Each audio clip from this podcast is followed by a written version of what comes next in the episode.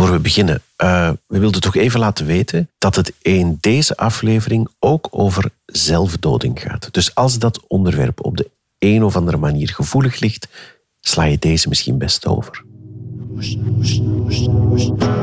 Dit is Het Mirakel van Schumann, een podcast van Radio 1. Hendrik Vos en Sven Spijbroek maken een roadtrip door de geschiedenis van de Europese Unie. In deze aflevering vertellen Hendrik en Sven over het ontstaan van één Europese munt. Ze bezoeken de uitvinder van de euro. L'information indiquant qu'il pourrait être le premier à avoir suggéré le nom euro. Zien de gevolgen van de eurocrisis in Griekenland. I don't feel well that I'm here because personally I don't want to be here. Because if I'm here, it means we have problem. En Hendrik heeft iets te bekennen aan Mark IJskens. Professor Vos heeft ooit al bij u aangebeld. Hier aan de deur? Ja, 35 jaar geleden. Misschien 40. Is dat waar? Man lief, in welke hoedanigheid? Heilige Vader. Ik heb vernomen dat u op zoek bent naar een mirakel dat verricht zou zijn door Robert Schuman, de voormalige Franse minister van Buitenlandse Zaken en vader van de Europese eenmaking. U hebt hem recent aangeduid als eerbiedwaardig, maar voor de zaligverklaring is er nog een mirakel nodig. Misschien kan ik u helpen. Ik ben professor in de Europese politiek verbonden aan de Universiteit van Gent. Al vele jaren bezoek ik met mijn studenten het huis in Chichazel waar Schumann leefde en de kapel aan de overkant van de straat waar hij begraven is. We staan er stil bij de betekenis die Schumann had voor de Europese integratie. Momenteel maak ik met radiomaker Sven Spijbroek een podcast over de Europese Unie getiteld Het mirakel van Schumann. In juni 2021 bezochten Sven en ik het huis en het graf van Schumann. De dagen die volgden heb ik nog dikwijls aan deze bijzondere man gedacht. Toen sloeg het noodlot toe. Ik weet niet, Heilige Vader, of u vertrouwd bent met het Belgische wegennet, maar voor de volledigheid is het belangrijk om alle details te vermelden. Ik reed op 2 juli op de E17 vanuit Gent in de richting van Antwerpen. Ter hoogte van de afrit Waasmunster raakte ik betrokken in een ongeval. Mijn wagen ging over kop en de wagen en ikzelf werden flink dooreengeschud. Ik zag alle kanten van de snelweg. Van de voorkant van de wagen bleef niets meer over. Alles was gebroken tot en met het stuur. Door een ongeval op de E17 van Gent naar Antwerpen is in Waasmunster enkel de rechterrijstrook vrij. U staat er een kwartier in de file. Als bij mirakel en u voelt mij komen, heilige vader, raakte ik slechts licht gewond. Het is te zeggen, ik brak wel een ruggenwervel, maar gezien de impact van het ongeval zag het er naar uit dat het veel slechter zou aflopen.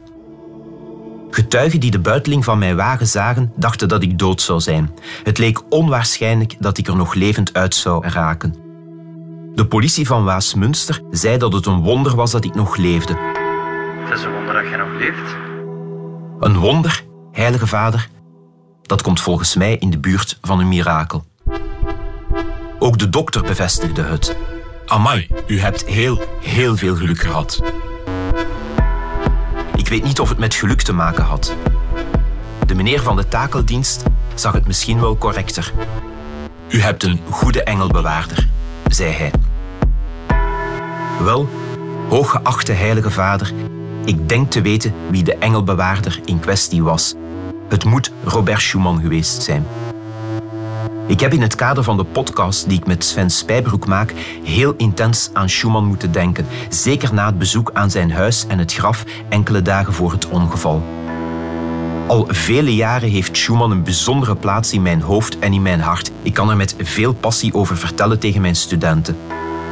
Hij heeft me geholpen om dit ongeval te overleven, op miraculeuze wijze.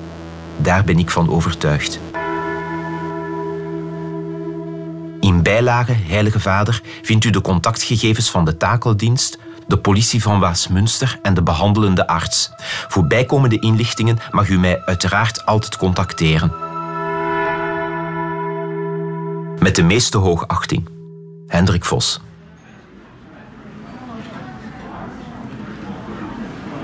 Heb je foto's van uw wrak? Ja, ja, ja. Mag je eens zien? Heb je die bij? Eh, ja, ik heb, ik heb die bij, die staan op mijn telefoon. Heb je ze zelf nog genomen, de foto's? Ja, ja, ja. Want ik was zo... eh, Chockvol adrenaline. ja. Hey, dat was de voorkant van mijn auto. Wow. Echt. Op zijn zij, die is weg, hè? Dat is gewoon.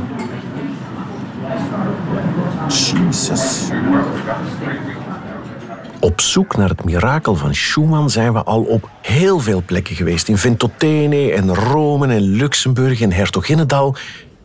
Maar waar Hendrik mij vandaag mee naartoe neemt, dat had ik niet verwacht. Spijkenissen in Nederland. Ja, je hebt de briefjes bij. Ja, ja. Ja. Aan de kleur te zien is dat de 10 euro brug. ja. We zijn hier omdat Hendrik mij beloofd heeft dat we iets indrukwekkends te zien gaan krijgen.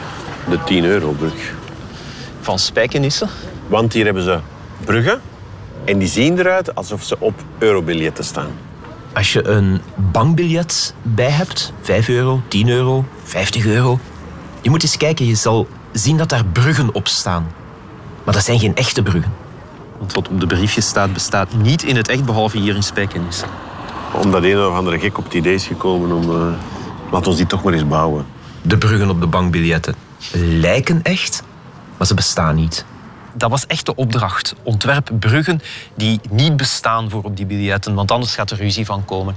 Want dan gaan de, de Fransen blij zijn dat de Pont Neuf erop staat en, en de, eh, de, de, de Spanjaarden gaan misschien blij zijn als er een brug van hen op staat, maar dan gaan de Portugezen kwaad zijn en, en daar, daar zou ruzie van komen. Ja. Toen het, toen het plan werd opgevat van we gaan biljetten hebben, dan vond elk land wel dat er een monument uit het eigen land moest opstaan. Dus noods de scheve toren van Pisa of de Eiffeltoren of wat dan ook. Maar, eh, Het is alweer een typisch Europees verhaal van compromissen. Daar kwam ruzie van en uiteindelijk heeft men dan aan een eh, Oostenrijkse designer die werkte bij de Nationale Bank gevraagd van ontwerp eens bruggen, monumenten, die Europees aanvoelen, maar, maar die niet bestaan. Want als ze wel zouden bestaan, ja, dan, dan, dan zou er ruzie zijn tussen de landen. Ah, Ja, ja, dus het moet eh, Europees-achtig voelende Ja. monumenten.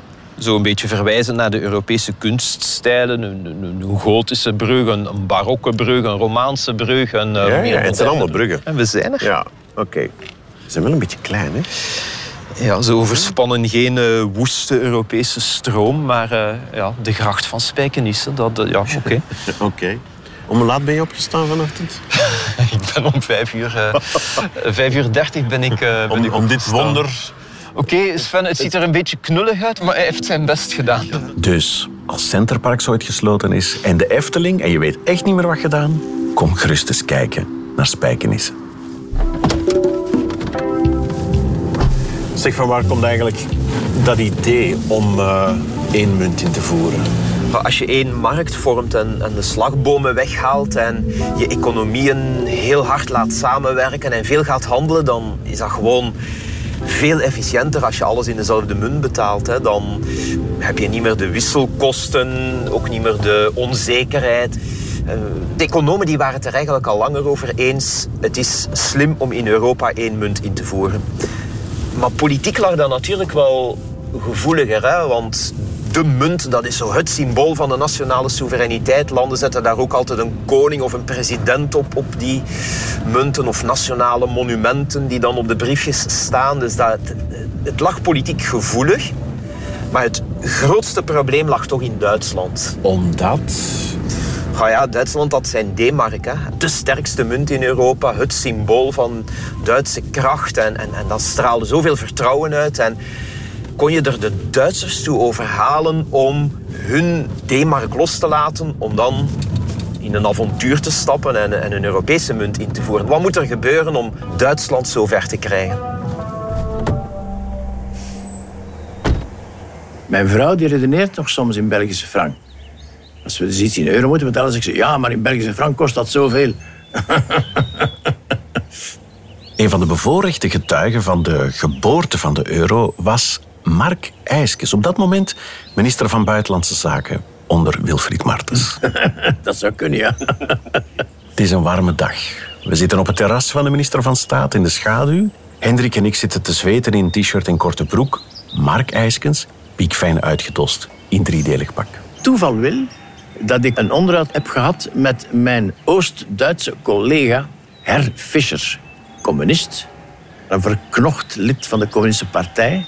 En we praten leuk met elkaar. Ik in vervlaamst Duits en hij in hoog Duits.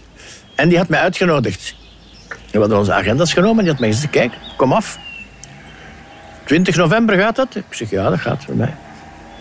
En dus op 20 november, dat is tien dagen na de val van de muur van Berlijn, kwam ik in Oost-Berlijn aan. En ja, dat was toen daar een toestand van absolute wanorde. De muur was gevallen. Tienduizenden Oost-Berlijners waren gaan wandelen in West-Berlijn. En hadden daar de geneugten gezien en opgesnoven van het westers kapitalisme. Al die winkels die vol lagen. En bij hen was er niks. Of bijna niks. En dus ik kwam bij die Oost-Duitse leiders. Egon Krenz. Uh, Krenz was een behoorlijke man. Die zat dus in de, de kanselarij. Een nogal protserig gebouw. Met een enorme wereldbol in zijn kantoor. En ik herinner mij, toen hij mij dus binnenleidde... Als ze daar voorbij kwam voor die wereldbol, hij streelde die even. En dat deed mij denken aan een scène uit de beroemde film van Charlie Chaplin. The Great Dictator. Leave me. I want to be alone. We praten met Egon Krenz natuurlijk over die val van de muur van Berlijn. En hij zei, ja, kijk, dat is natuurlijk het begin van een nieuwe, totaal nieuwe toestand. En hij begon mij uit te vragen over de Benelux. Hoe werkt dat juist? Ik zeg, waarom is je zo geïnteresseerd in Benelux? Wel, zegt hij, kijk, wij blijven natuurlijk wat we zijn. Maar wij staan nu open voor een gestructureerde samenwerking met West-Duitsland. En daar was Helmoet Kool de kanselier. Die was toen kanselier.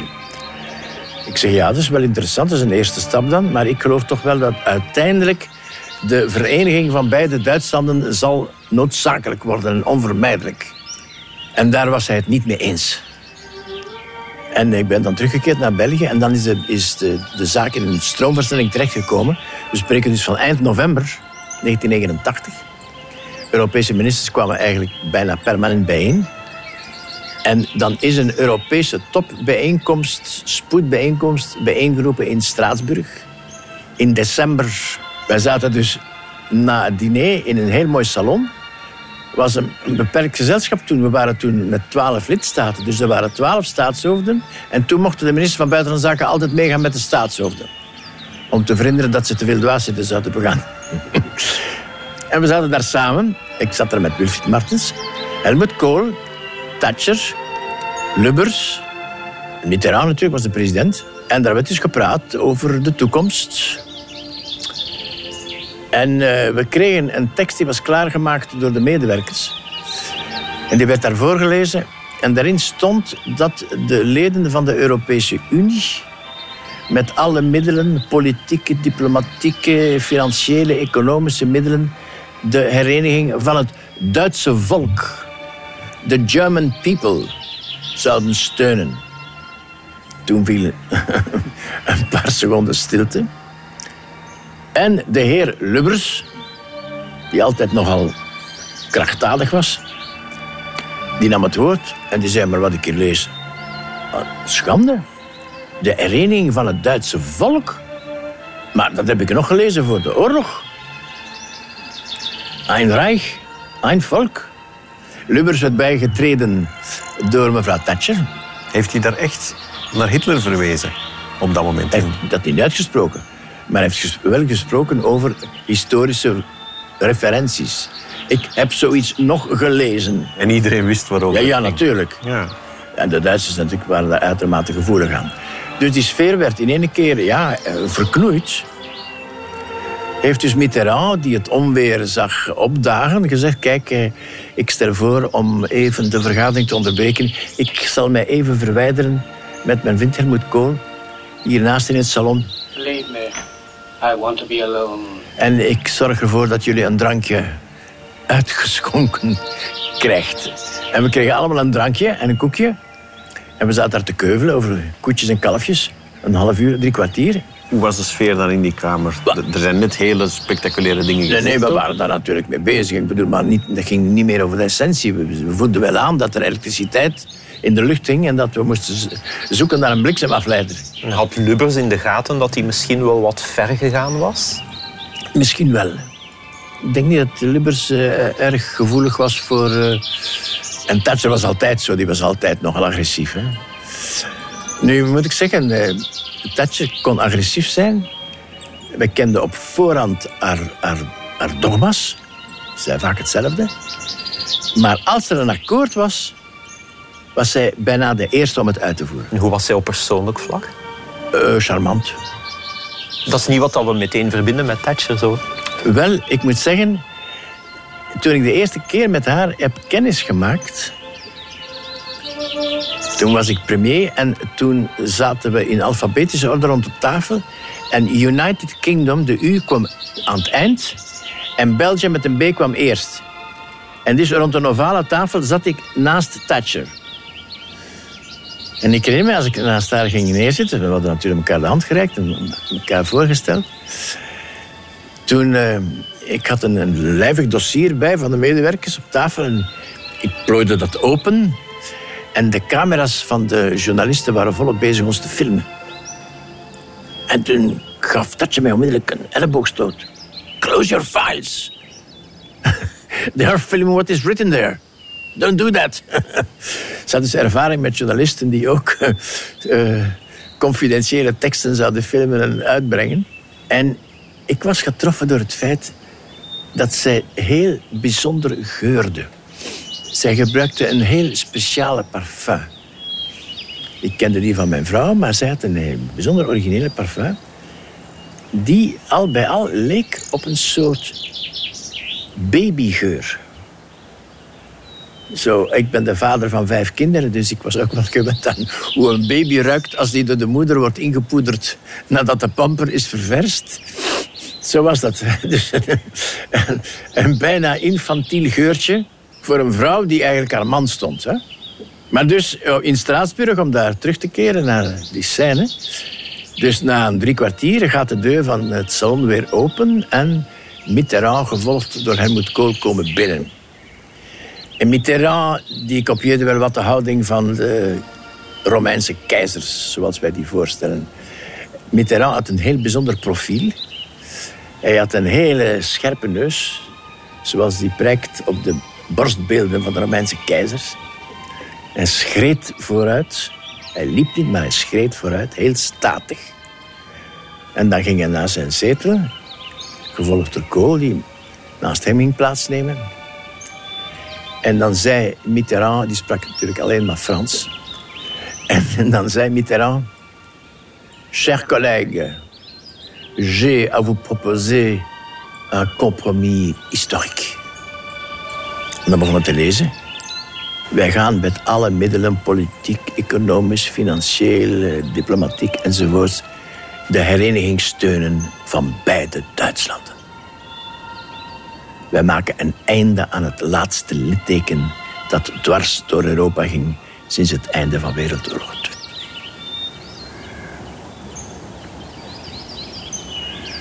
Dit, hè. Ontroering. Vooral Helmut Kool. Helmut Kool hoorden we snikken. En Helmut Kool zei, kijk, zegt hij, wat hier nu gebeurt, dat is mijn levensdroom. Ik heb daar altijd van gedroomd, maar nauwelijks in geloofd. En nu gebeurt dat. Hoe kan ik u danken? En andermaal begonnen ons te bedanken. En ik kijk, zegt hij, ik wil namens Duitsland ook iets doen. Iets waar jullie veel belang aan hechten. Ik weet dat jullie veel belang hechten aan een monetaire unie. Dat brengt stabiliteit in Europa. Voor ons Duitsland is dat een serieuze inspanning. De Duitse mark is een van de sterkste munten van de wereld. De sterkste munt in Europa. Wel nu, ik ben bereid te verzaken aan de Duitse mark. Ik ben bereid de Bundesbank ondergeschikt te maken aan een op te richten Europese Centrale Bank in het raam van een op te richten Europese Monetaire Unie en het invoeren van een enige Europese munt. Wij moesten allemaal slikken. Ja, dat was een zeer, zeer intens moment. Ministers hebben ook gevoelens, hè? en dus we waren allemaal eigenlijk een beetje tot tranen toe bewogen. En toen werd besloten om dat te doen. En om Lubbers te paaien werd gezegd, we kunnen dat doen ergens in een Nederlandse stad. Ja, zei Lubbers, ik heb er één die op de grens ligt. Tussen drie landen, België, Nederland en Duitsland. Maastricht. Met het verdrag van Maastricht werd de Europese Unie opgericht. Er was al de Europese gemeenschap voor kolen en staal van Robert Schuman. Er was het verdrag van Rome met dat plan om één markt te vormen. Maar voortaan zou Europa veel machtiger worden. Zou geprobeerd worden om een buitenlandse politiek uit te werken. En de beslissing om de euro in te voeren werd in dat verdrag van Maastricht verankerd. Het verdrag was onderhandeld, maar dan moest het natuurlijk ook nog plechtig ondertekend worden. Jacques Delors kreeg dat maar niet uitgesproken. Hè? Delors was de toenmalige voorzitter van de Europese Commissie. Le traité de Maastricht. Hij stikte bijna op de CH van achter. Maastricht. Ik kan het niet uitspreken. Het verdrag van Maastricht zei dat de euro kon worden ingevoerd, maar je moest wel als lidstaat aan zware voorwaarden voldoen. Je begrotingstekort mocht niet te hoog zijn, je staatsschuld mocht niet te hoog zijn, je rente, je inflatie, het moest allemaal onder controle zijn. Maar uiteindelijk zijn die strenge voorwaarden heel soepel geïnterpreteerd. Ik toon u een foto van de ondertekening van het verdrag van Maastricht. Al tekenend met iets meer haar, niet veel, maar toch iets meer. En dan heb ik nog iets anders. Dat is de pen waarmee ik het verdrag heb ondertekend. We hebben dat dan gekregen nadien. Iedere ondertekenaar kreeg zijn pen mee naar huis. Het is een uh, Montblanc vulpen, bekend merk. En daar staat op Maastricht 7 2 1992. Bijna 30 jaar geleden. Mag ik ze eens aanraken? Sure. Oké. Een echte pen. Een mooie pen. Een echte Ja. vulpen. Op het einde van ons gesprek met Mark IJskes is er toch nog één ding waar we het moeten over hebben. Professor Vos heeft ooit al bij u aangebeld. Hier aan de deur. Ja. 35 jaar geleden? Wat? Misschien 40. Is dat waar? Ja, echt waar. Man, lief. In welke hoedanigheid? Ik was, eh, denk ik, net in het middelbaar en wij moesten voor school een politicus interviewen.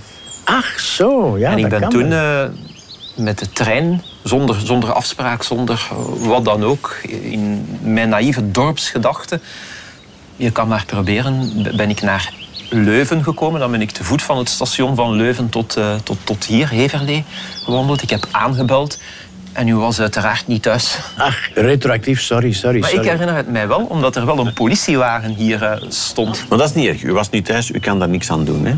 Maar dan heeft de kleine Hendrik u een brief gestuurd. Waarop ik nooit een antwoord heb ontvangen. Oeh, Maar misschien... Ik vind dat vreselijk.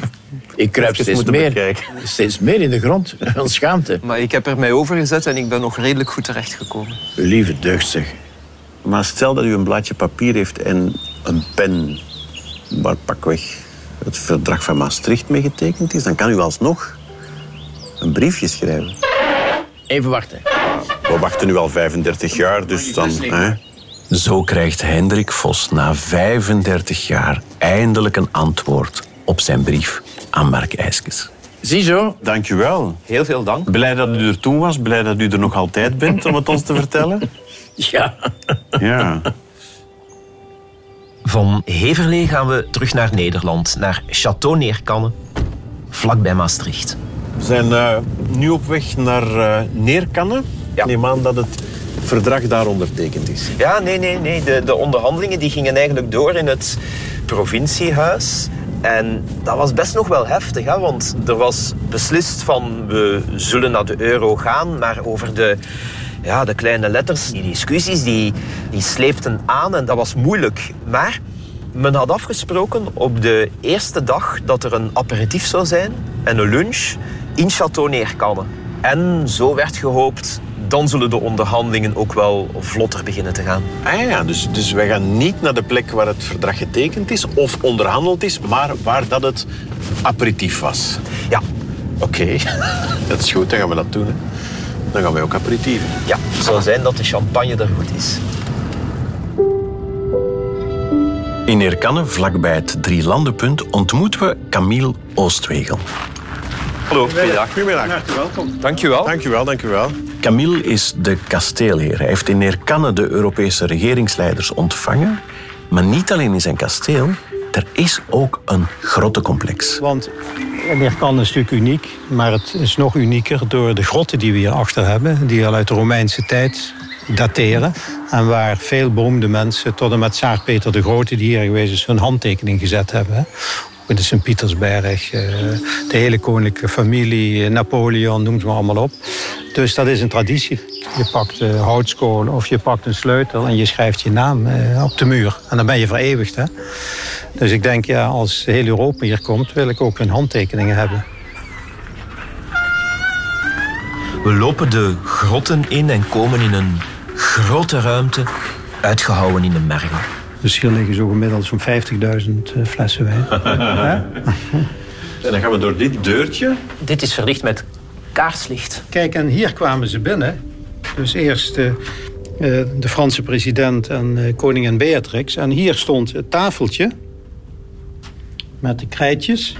Dus je ziet, ze heeft hier heel groot de handtekening gezet. Beatrix in oranje houtskool. En toen volgde Mitterrand. Ziet u daar Mitter, François Mitterrand, Lubbers, Wilfried Martens. Martens, Schluter, Kool, Mitsotakis, Haughey, Andriotti, Santer, Luxemburg, Cavaco Silva, Marquez, Major en Jacques Delors. En eens de Europese regeringsleiders de grot gesigneerd hadden, wilde iedereen daar zijn naam achterlaten. Hier hebben we de, de fusie Air France KLM. Eh, Hier de, de Romanovs uit Rusland een jaar later. De Red Eh, Bull ja. Crashed World ja. Dus iedereen die iets wil betekenen, Kijk, moet hier toch op kijk eens, pakket er is geen plaats meer. Het akkoord is er, tijd voor de invoering. Op 1 januari 2002, vlak voor middernacht, staan mensen te wachten aan bankautomaten. Om voor de eerste keer die nieuwe eurobiljetten te kunnen vasthouden.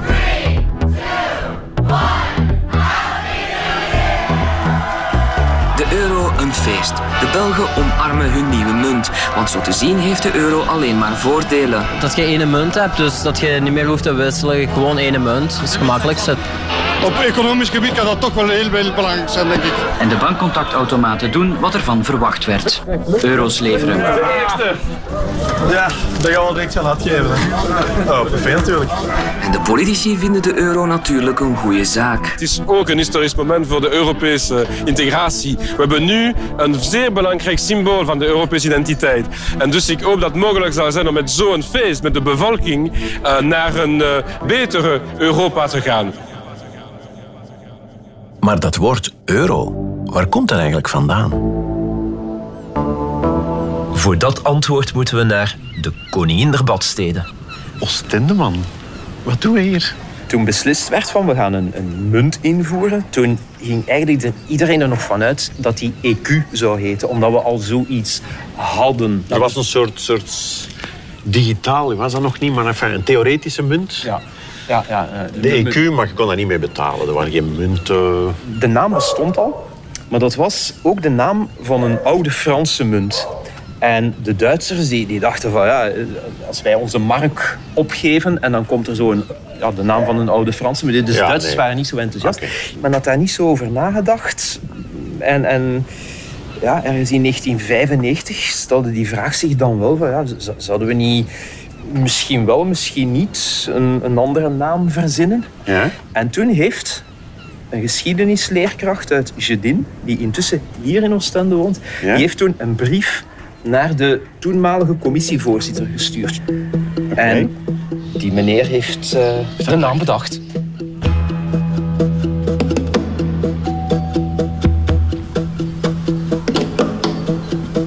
zitten hier vandaag omdat u de uitvinder bent van het woord Enfin, ik euro. het uitvind, een suggestie. Germain Pirlot had een artikel gelezen in Le Monde, een eh, interview met de toenmalige voorzitter van de Europese Commissie. U dacht, die commissievoorzitter, ik ga hem een brief schrijven.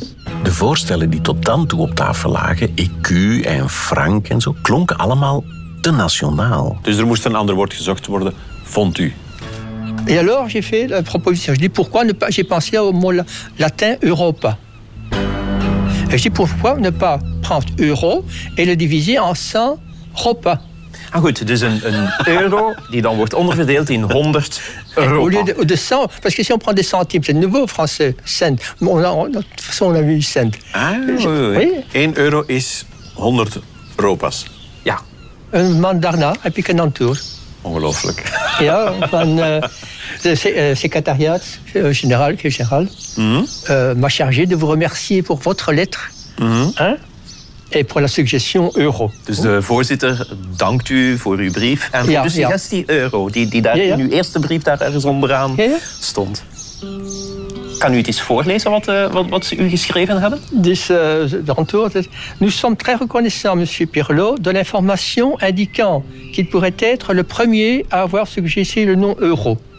Voilà, u bent Nous n'avons pas, à l'heure actuelle, connaissance d'une telle suggestion antérieure au 4-8-95.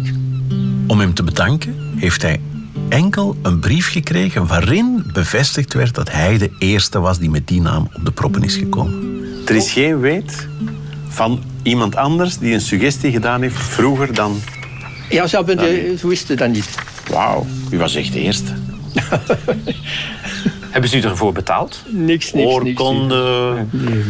De euro werd enthousiast onthaald, alles leek te werken. Maar de criteria zoals ze in Maastricht waren afgesproken werden niet nageleefd. Banken begonnen te speculeren, er werden risico's genomen. De deur stond open voor ontsporingen. En daar moest crisis van komen. Confidence in the euro has never been stronger. Scheitert der Euro, dann scheitert Europa. Und das darf nicht passieren. I wish we had I wish we had never entered this monetary union. I want people to see the euro not just as a currency, but as a way to deliver a fairer society in line with the values of our social market economy.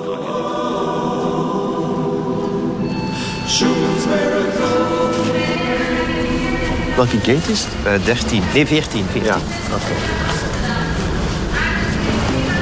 2008, dat is het moment waarop het misgaat. Hè? Je hebt de vastgoedbankencrisis, die banken komen serieus in de problemen. En de landen ook.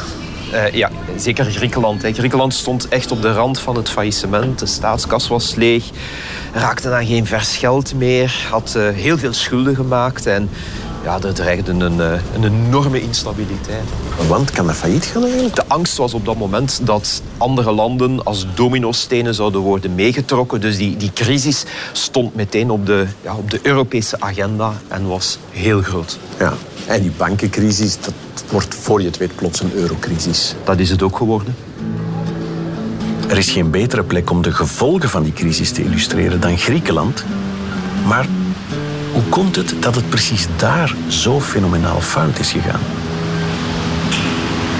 Dit is het Syntagmaplein. Hartje Athene. En waarom zijn we hier? Dit is dé plek waar in volle eurocrisis de Atheners en mensen van, van buiten Athene vaak heel radeloos kwamen betogen. In eh, het voorjaar van 2011 werd het plein hier ook ongeveer de hele tijd bezet, dag en nacht. Duizenden mensen. Op bepaalde momenten tijdens manifestaties meer dan 100.000 mensen die hier op en rond het plein samenkwamen. Maar die crisis, Ja. hoe is die eigenlijk begonnen? Vanaf 2009, 2010 zag je dat Griekenland ongeveer failliet was. Dat kwam omdat Griekenland ongetwijfeld slecht bestuurd werd. Er was corruptie, eh, belastingen werden op een, eh, op, op een slechte manier ge, ge, geïnd. Die, die overheid marcheerde niet goed. Eh, reders die betaalden bijna, die waren steenrijk, maar die betaalden bijna geen belastingen. Dus de, er was in Griekenland van alles mis. En Griekenland had ook enorme schulden gemaakt.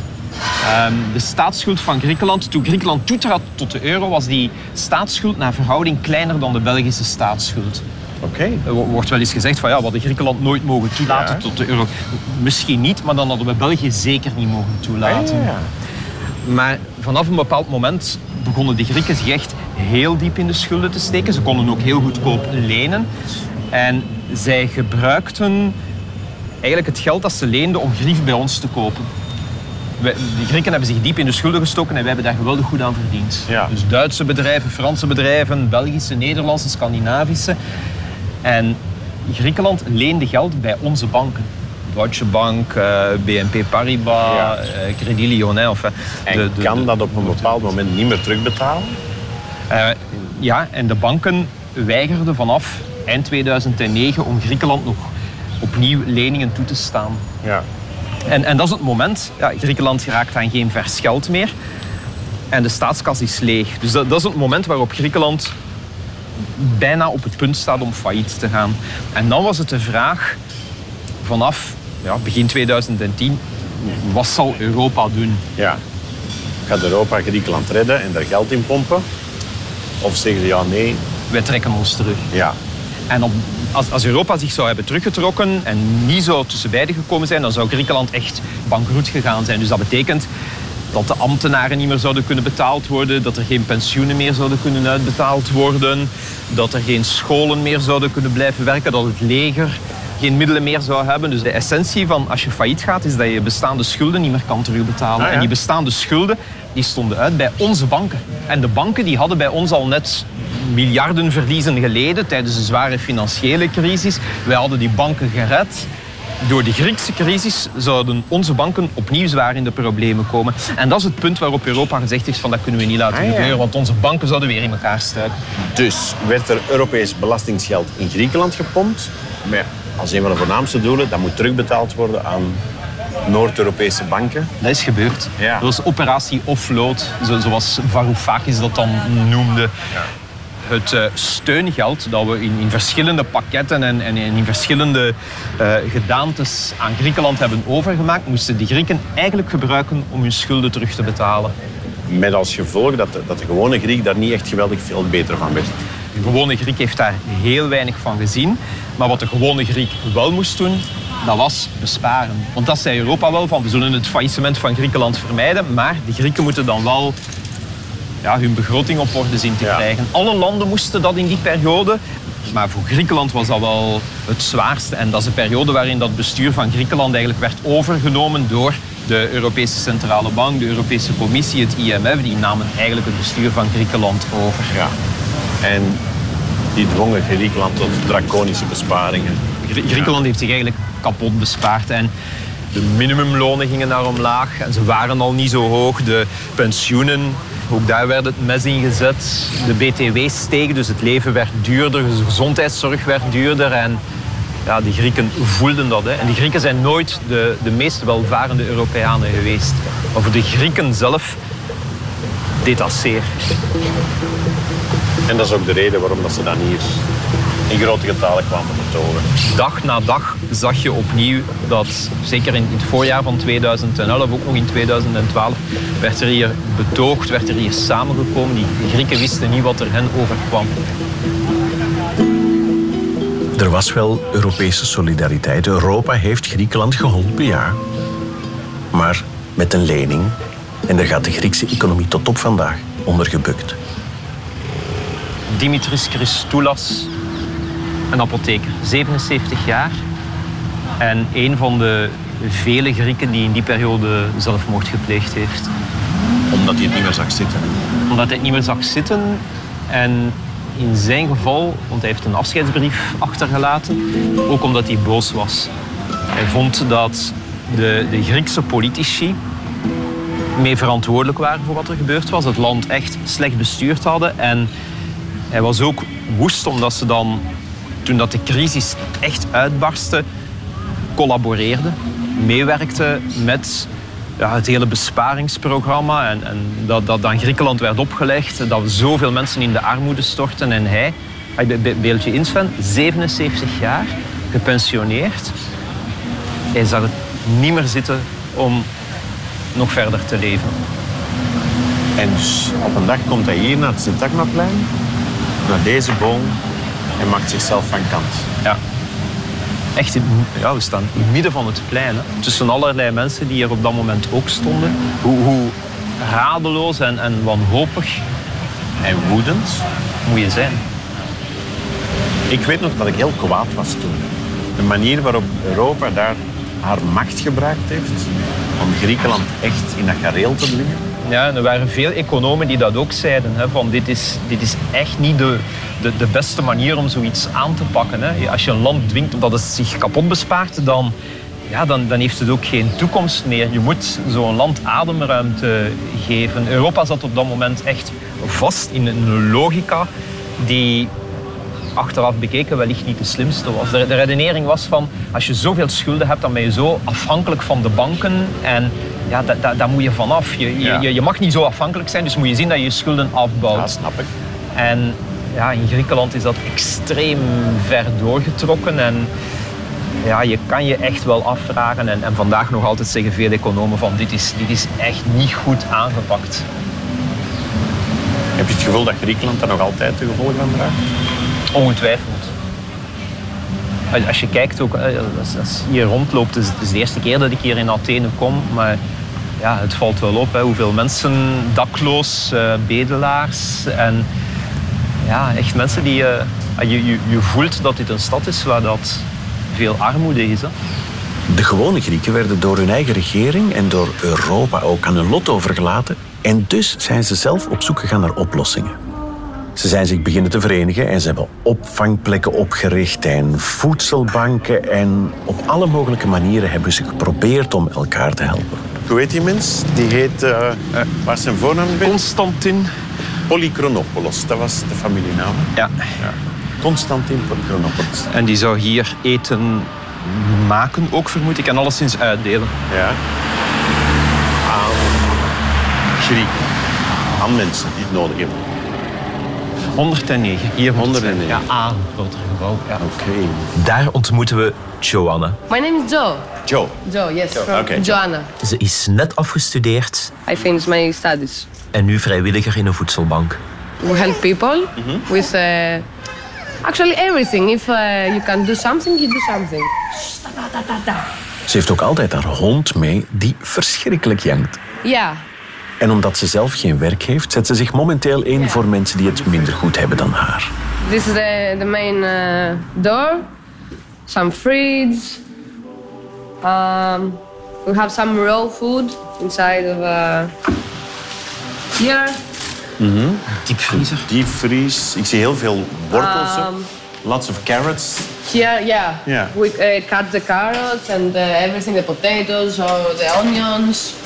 Um, a second fridge. We have some juice and uh, milk. Or Het begon allemaal met één man, die vanuit een winkelkar kookte voor andere Yes, mensen op of, straat.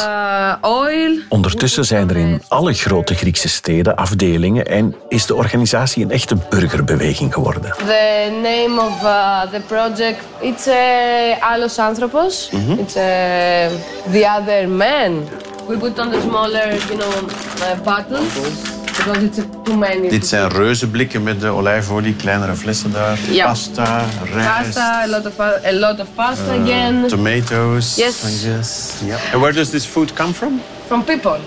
Someone take uh, maybe uh, something like. Uh, do you know a Volt or food? It's a online delivery, Mhm. and you can uh, order from a supermarket and put the address of here.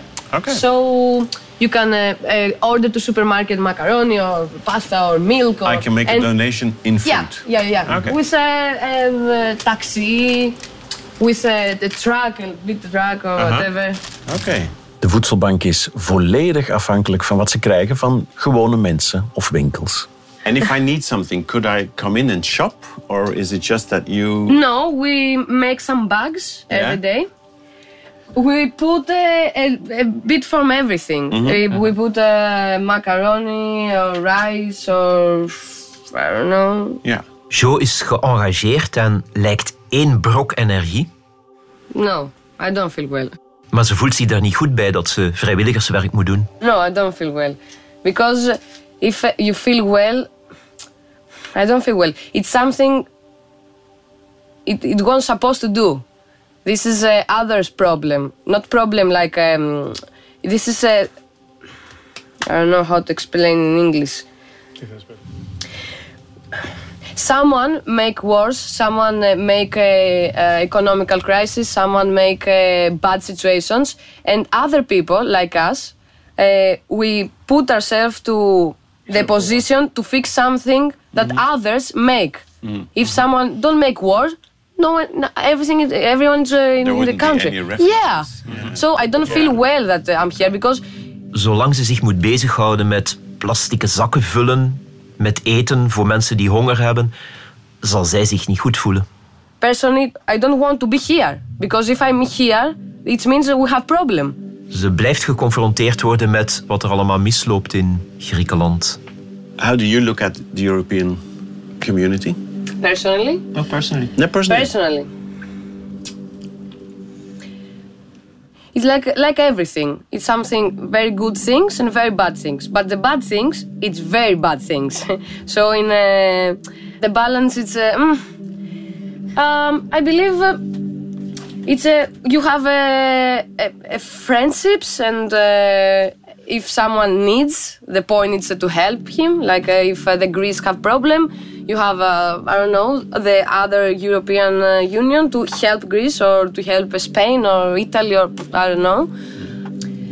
But at the end of the day it's not like that because uh, back of them it's money like nothing is for free. I, I will help you yes of course. No you don't help me. You help me because you want something for me.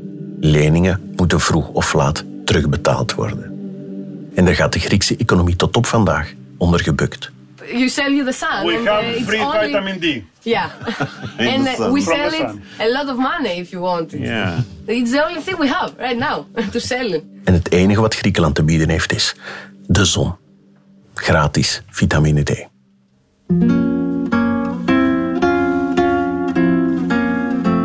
Dit was de vierde aflevering van Het Mirakel van Schumann. Een podcast van Radio 1 in samenwerking met het Europees Parlement. Je vindt meer van de roadtrip van Sven en Hendrik op radio1.be en in de Radio 1-app. In de volgende aflevering van Het Mirakel van Schumann. Waarom er geen Europees leger is. Hendrik en Sven trekken naar Bosnië met Elma, een vrouw met Bosnische roots die naar Nederland vluchtte. Ze vertellen het verhaal van Srebrenica en dat van de mensen die er na 25 jaar nog altijd onder lijden. Hoe overleef je dat als, als, als dorp, als familie, als groep? Je hebt geen keus, je moet wel, eh, je moet wel door. Met al dat verdriet kan je niet leven. Voor de rest van je leven, je moet gewoon door. Vond je deze podcast interessant? Luister ook naar De Voorzitters. In deze gloednieuwe podcast van Radio 1 gaat oud-politiek journalist Mark van der Loverbos op pad met de vier oud-voorzitters van het Vlaams parlement.